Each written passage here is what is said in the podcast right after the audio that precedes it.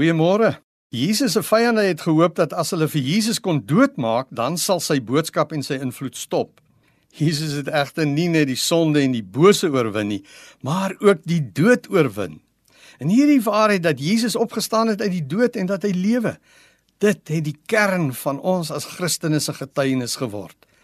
Jesus het as deel van sy boodskap verkondig dat hy gekruisig sou word, maar dat hy op die 3de dag sou opstaan uit die dood. Dit staan in Matteus 16 vers 21 opgeteken.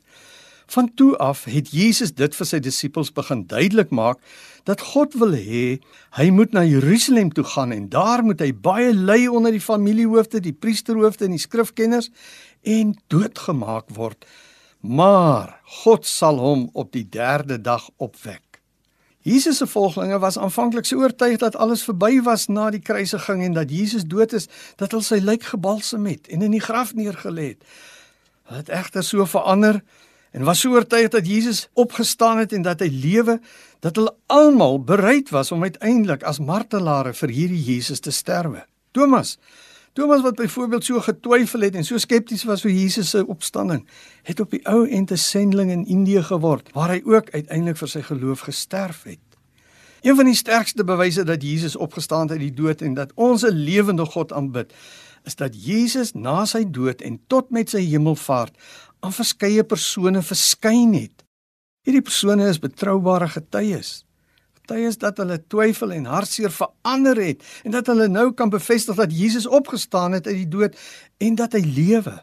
Daarom kan ons bly wees en seker weet dat ons God, hy is 'n lewende God. Hy sit op die troon, hy is in die hemel. Ons dien en aanbid 'n lewende God wat in die almagsposisie heers en kan doen alles ver bo wat ons ook bid.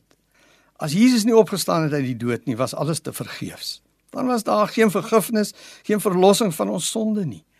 Dan was daar geen hoop en vooruitsig van die hemel nie. Maar omdat Jesus opgestaan het uit die dood, is daar ons nou nuwe lewe, 'n ewige lewe saam met Jesus, die opgestane Here. Jesus se opstanding bevestig dat hy leef en dat hy ons gebede hoor en sal verhoor. Het jy al hierdie lewende Here ontmoet? Weet jy persoonlik dat hy leef omdat hy in jou leef? Praat dan met hom en vra hom wat jou hart se begeerte is. Here Jesus, dankie dat ek weet dat U leef en dat U hier by my is al kan ek U nie sien nie. Kom, leef in my. Praat deur my en doen wonders deur my. Amen. Tot volgende keer. 'n Geseënde dag.